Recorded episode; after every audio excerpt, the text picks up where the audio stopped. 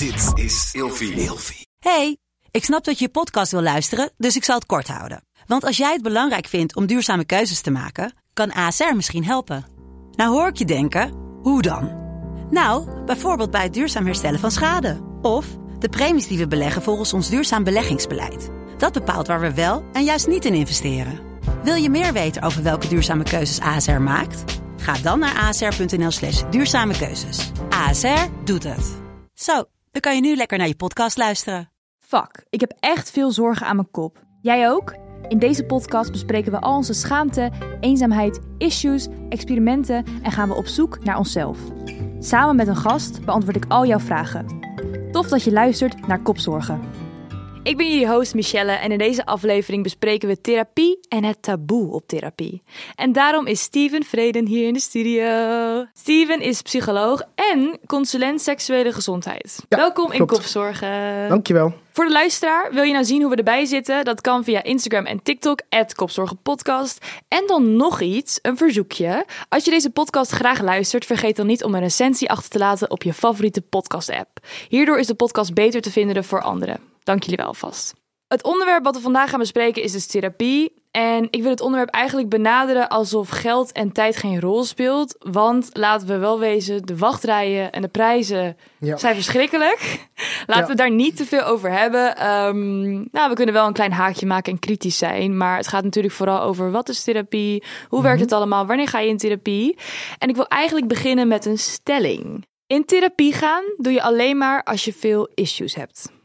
Ben ik niet mee eens.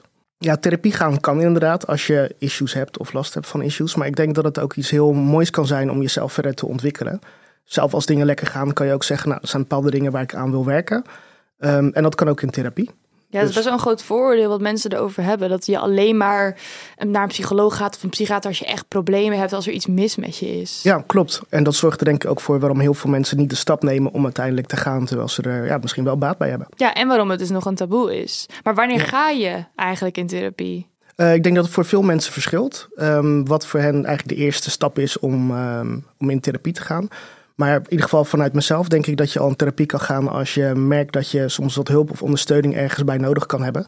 Eh, wat je soms niet vanuit je omgeving kan krijgen of kan vinden. En soms kan het zelf naast elkaar staan. Zelf vanuit je omgeving.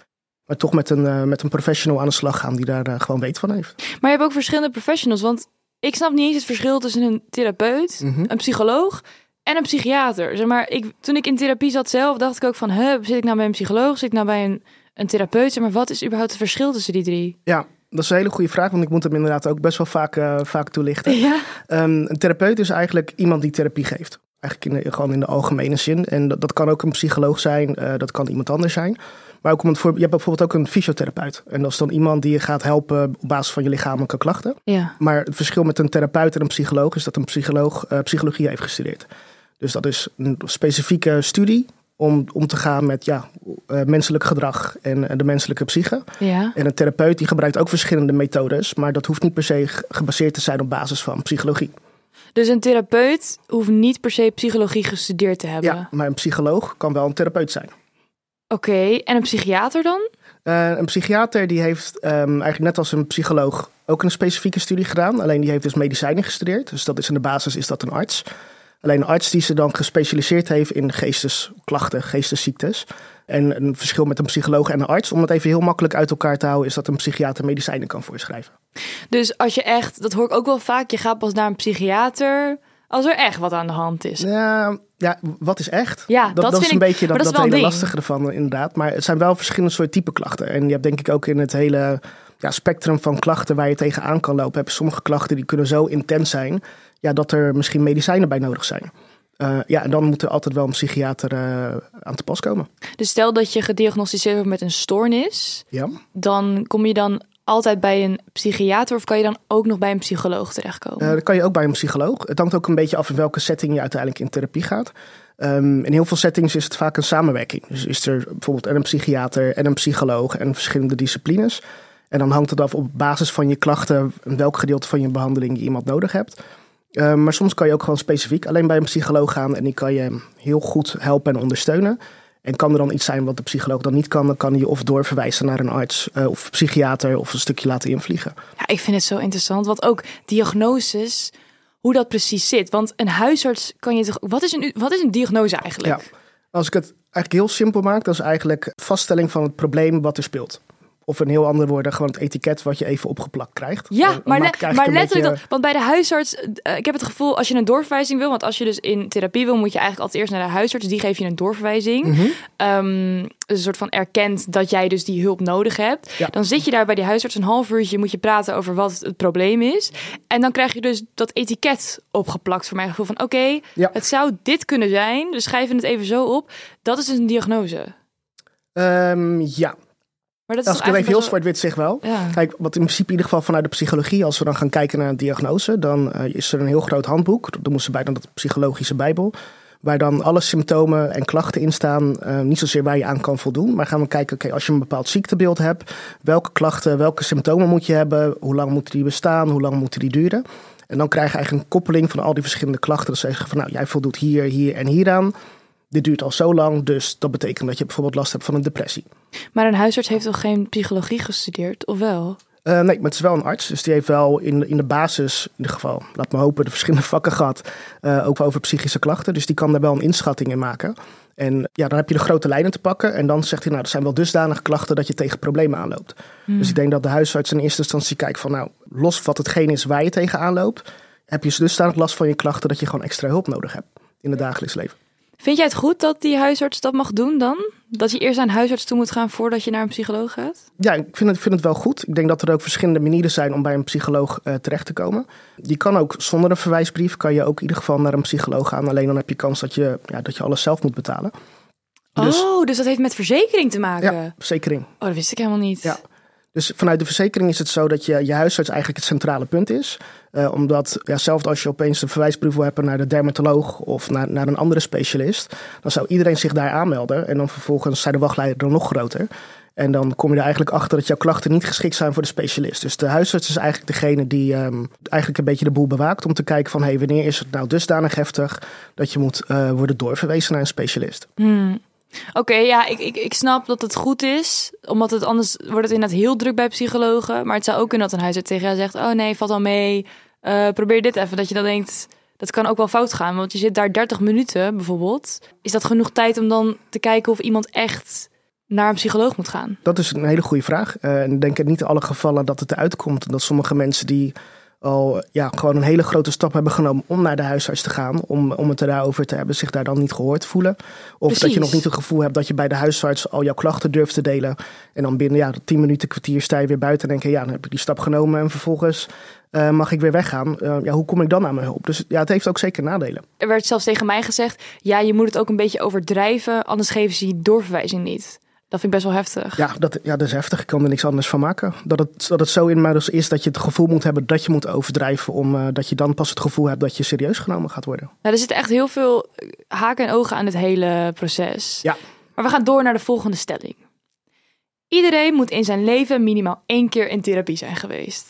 Ehm, ik hou niet zozeer van het woordje moet, maar ik denk dat het je wel heel veel goed zou doen. Ja? Ja. Denk je dat iedereen daar wel baat bij heeft?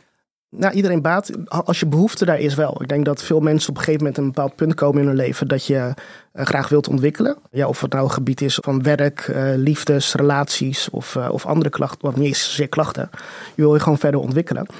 En dan kan therapie er zeker bij helpen. Maar dat is ook wel zo, want vaak wordt er dan pas in therapie, er wordt pas over nagedacht als je echt klachten hebt of je echt Mhm. niet goed voelt. Ja. Maar als je dat niet hebt en je bent gewoon af en toe even zoekende, dan kan het je ook wel echt helpen om even alles weer op een rijtje te krijgen. Maar je krijgt het dan misschien niet verzekerd omdat je die doorverwijzing niet hebt van extreme bijvoorbeeld somberheidsklachten of ADHD of iets anders. Ja, dat is e- echt dat, dat lastige stukje. Kijk, wat eigenlijk een beetje gebeurd is, om een beetje terug te komen ook op de vorige vraag, is dat in combinatie van de zorgverzekeraars ja, ligt de macht vaak wat meer bij de zorgverzekeraars, omdat die degene zijn die uiteindelijk betalen. Eh, dus ja, wie betaalt, die bepaalt. Eh, om het dan heel zacht, eh, daar niet eens zacht uit te drukken, daar komt het uiteindelijk komt het wel een beetje op neer. Terwijl het ook heel fijn zou zijn als je mm, ja, soms laagdrempeliger bij bepaalde manieren in contact kan komen. Je hebt bijvoorbeeld wel ondersteuners bij de huisarts, die soms voor wat lichtere klachten kunnen, eh, kunnen helpen. Maar ja, het is een beetje een onderscheid maken tussen de GGZ, waar we dan over hebben. Dus dat je echt ehm, last hebt van je geestelijke gezondheid en daarbij een diagnose hebt. Of dat je nog steeds met bepaalde problemen kampt, waar met je iemand mee in gesprek kan gaan die je erbij kan helpen. Maar dat het niet per se een diagnose hoeft te zijn of echt sprake van een, van een afwijking of een stoornis. Maar wat nou als je dus het idee hebt van oké, ik wil daarheen, maar ik heb niet per se echt psychische klachten. Dan kun je ook naar een coach gaan bijvoorbeeld. Ja, Maar wat ook. vind jij van coaches? Ehm, ja, ik heb eigenlijk helemaal niks tegen coaches. Maar dan denk ik af, ehm, ja, hetzelfde, niet elke psycholoog kan even goed zijn. Hetzelfde ook bij elke coach. Eh, kijk, een coach is geen beschermde titel, dus iedereen mag zichzelf een coach noemen. Dus het hangt ook heel erg af van eh, ja, de achtergrond, eh, de opleidingen, maar ook gewoon de persoon die je bent. En ik denk dat de ene coach misschien totaal niet aansluit bij de ene persoon, maar bij de andere weer een hele goede match kan zijn. Maar je hebt ook coaches die bijvoorbeeld mensen die dan een burn-out hebben gehad en daar dan uitgekomen zijn en dan zichzelf ineens een coach noemen en zeggen ik ga anderen helpen om niet in een burn-out te komen. Ik vind dat best wel fucked up. Ik weet niet, ik bedoel, Ja, of je nou een goede coach bent of niet. Je hebt geen opleiding gedaan, je hebt geen kennis, geen, geen achtergrond. Ja, je hebt alleen, je bent eigenlijk ervaringsdeskundige. Ja. Maar is dat überhaupt wel, ja, is dat wel ethisch? Ja, het is lastig. Ik denk dat het belangrijk is voor mensen dat bij, wanneer ze bij iemand in gesprek gaan, dat ze weten wat de achtergrond is van iemand en er zelf een keuze in kunnen maken. Want soms kan het ook zijn dat iemand als ervaringsdeskundige misschien wel meer kennis heeft opgedaan doordat ze het daadwerkelijk hebben doorleefd. Dat de persoon die het wellicht gewoon uit een boekje heeft gehad en alle protocollen gaat afwerken. Dus het is maar ook net waar je, waar je behoefte aan hebt. Dus ik denk dat het heel erg afhangt van, ja, van de context, van de persoon die je zelf bent, waar je behoefte aan hebt, wat dan het beste bij je past. Ja, het is alleen wel dat ik denk, omdat je dus, er ligt dus best wel een taboe nog op therapie, Mhm. dat mensen sneller gaan naar een coach, want dat klinkt gewoon minder heftig. Ja. En dat is wel een dingetje dat ik denk, moet je dan niet oppassen dat je niet per ongeluk ergens verkeerd terechtkomt, terwijl je eigenlijk wel echt hulp nodig hebt van iemand die echt er kennis van heeft en niet alleen maar de ervaring. dat is een hele lastige afweging. Want dat, dat, ehm, vaak kom je er pas achter wanneer je met iemand in gesprek gaat. En dan soms pas kom je er zelf ook achter wat je klachten daadwerkelijk zijn. En als je soms bij iemand terechtkomt en die kan niet op de juiste manier doorvragen. of op de juiste manier de kader stellen van wat is er nou echt daadwerkelijk aan de hand. Ja, dan kan het lastig zijn. Maar zelf als we dat onderscheid niet maken tussen coach en psycholoog. dan kan je ook een bepaalde psycholoog hebben die je soms niet goed kan begrijpen of niet de juiste klik kan hebben. En dan heb je misschien het hele traject gehad van de doorverwijzing. Je bent er uiteindelijk, je hebt al je, je schroom opzij gezet en dan zit je daar en dan kan je ook niet gehoord voelen. Ja, daar gaan we het zo meteen nog over hebben, over een klik met een psycholoog. Ja. Maar ik heb eigenlijk, ik heb een, een onderzoek opgezocht bij het AD. Het was een landelijk onderzoek over mentale gezondheid en daar gingen 28.000 studenten aan meedoen.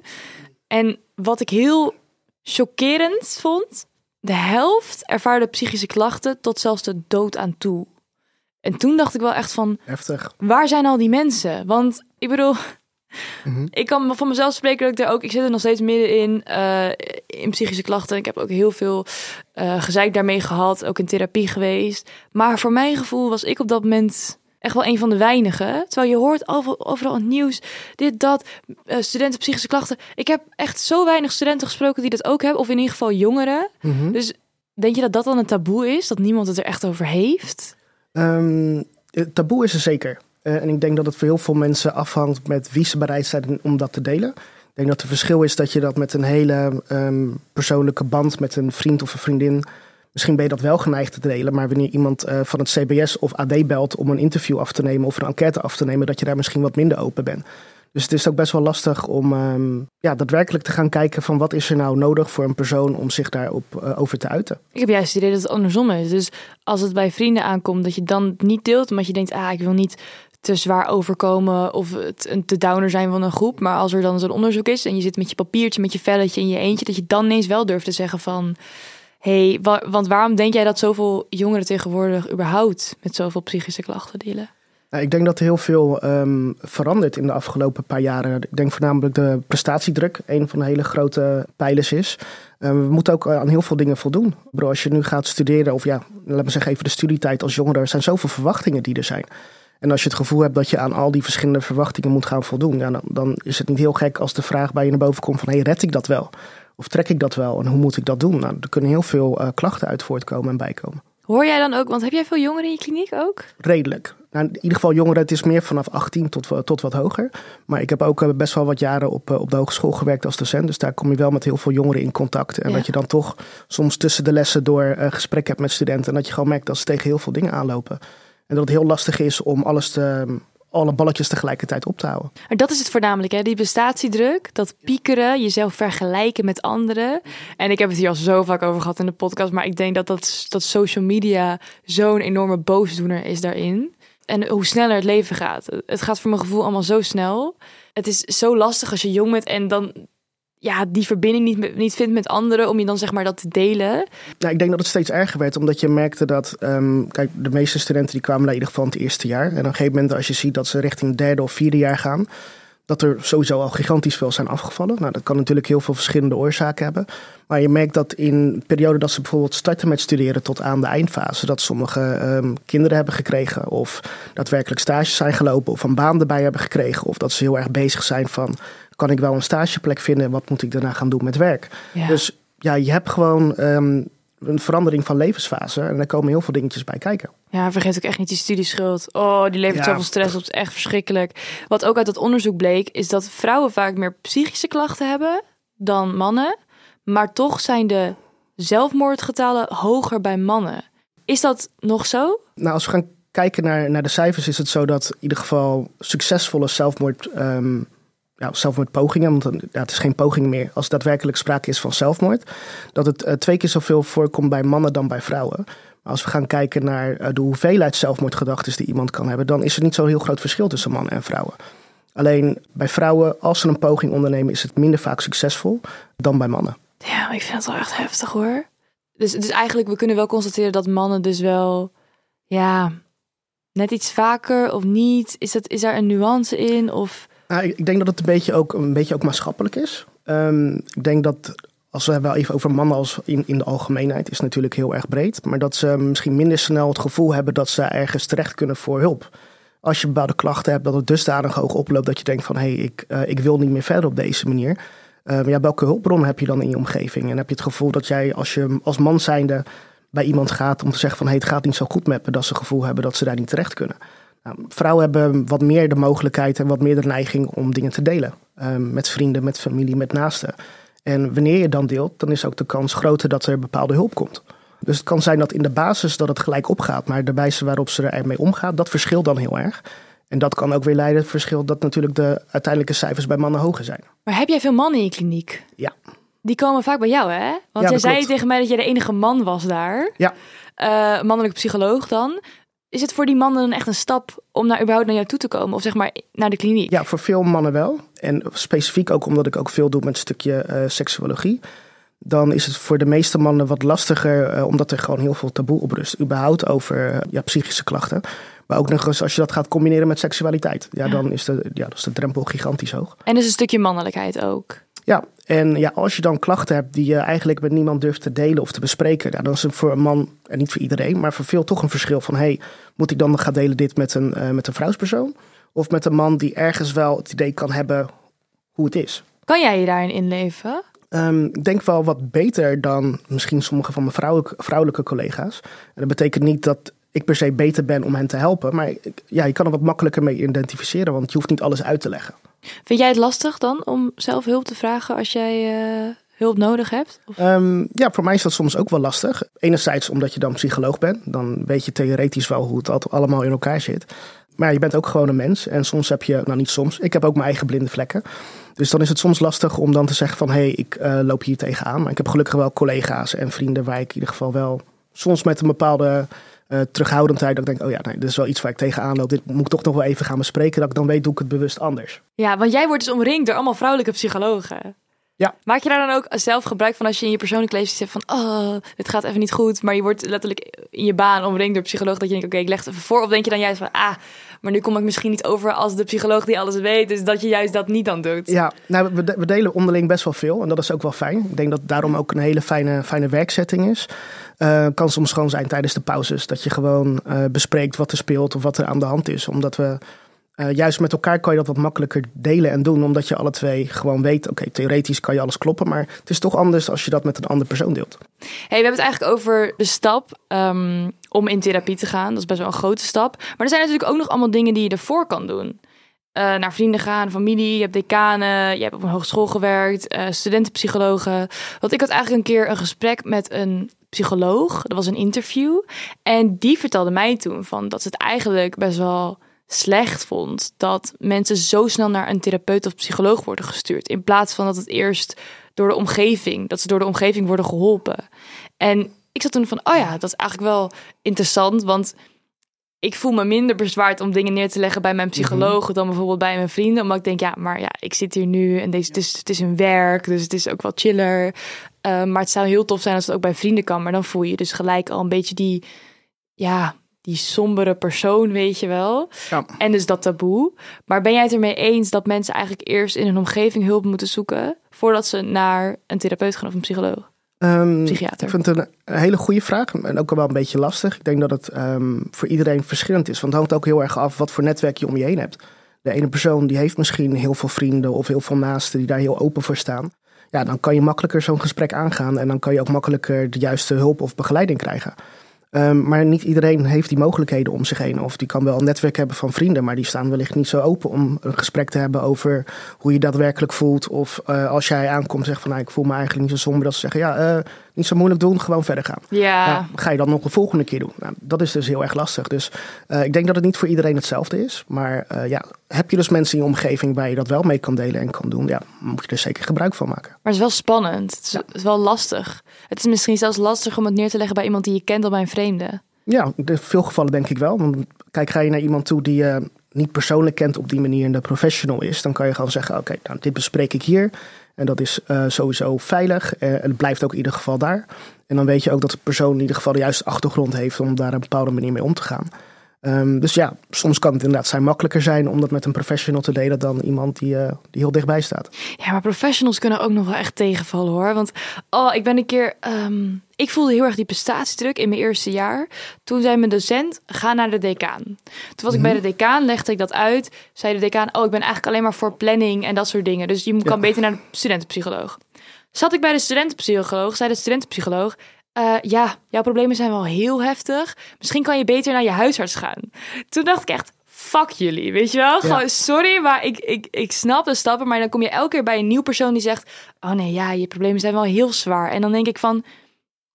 Huh, maar een studentenpsycholoog is toch ook een psycholoog? Dus hoezo zijn mijn problemen dan te zwaar? Ik had het ook even opgezocht. Ik dacht, wat voor diploma moet een studentenpsycholoog eigenlijk hebben? En dat is dus wel drie jaar een master psychologie. Mm -hmm. Nee, drie jaar een bachelor psychologie. En daarna nog een master. Dus vier jaar psychologie gestudeerd. Heeft een normale psycholoog dat ook? Um, ja, normale psycholoog, dat is denk ik, als ik eenmaal de tijd gaat, is dat misschien ook weer um, lastig. Maar in principe heb je je basisopleiding als je psychologie hebt gestudeerd, dan kan je inderdaad je, je master behalen. Maar ik denk dat het wat meer los van je achtergrond te maken heeft met wat voor rol en functie je hebt. De studentpsycholoog die is er in, in eerste instantie om te kijken, hey, wat voor klachten heb jij in het kader die je studie belemmeren. Dus die gaat daar wat meer op in. Um, hetzelfde als dat jij uh, klachten hebt en um, je bent uitgevallen op je werk, dan krijg je een gesprek bijvoorbeeld met een arboarts. Dat is een arts die dan weer gespecialiseerd is om te kijken, hey, hoe kan je nou zo snel mogelijk weer aan het werk komen. Dus ik denk dat het heel erg uh, te maken heeft bij wat voor soort psycholoog je terechtkomt met je klachten. Ja, maar het is ook het is niet heel motiverend als je elke keer wordt doorgestuurd. Net zoals dat het niet motiverend is als je bijvoorbeeld geen klik hebt met je psycholoog of met kan je me begeleider. Want je moet natuurlijk wel je meest persoonlijke diepe shit bij die persoon gaan neerleggen. Maar dat vind ik dus wel, dat vind ik wel grappig, want jij bent psycholoog. En jij bent natuurlijk ook gewoon een mens, weet je wel. Dus ik kan me voorstellen dat als jij als er een cliënt bij jou komt en je denkt: Oh my god, weet je wel, wat is dit voor persoon? Dan ben ik wel heel benieuwd hoe je daar dan mee omgaat. En ook of doorverwijzen daarvoor is bedacht. Oh. Maar. Ja. Dit gaan we in de volgende bespreken. Oké. Okay. Hey, dit bespreken we in deel 2 van de aflevering. Bedankt voor het luisteren allemaal en tot de volgende. Ik heb op een gegeven moment een uh, psycholoog inderdaad gehad. En ik dacht echt, nee, nee, nee, nee, nee. Op een gegeven moment gaat het ten koste van je relatie. Want ja, wat je zegt, je bent geen hulpverlener. Ben je als 22-jarige te jong om in relatietherapie te gaan? Nee, ik denk dat uh, wanneer je het gevoel hebt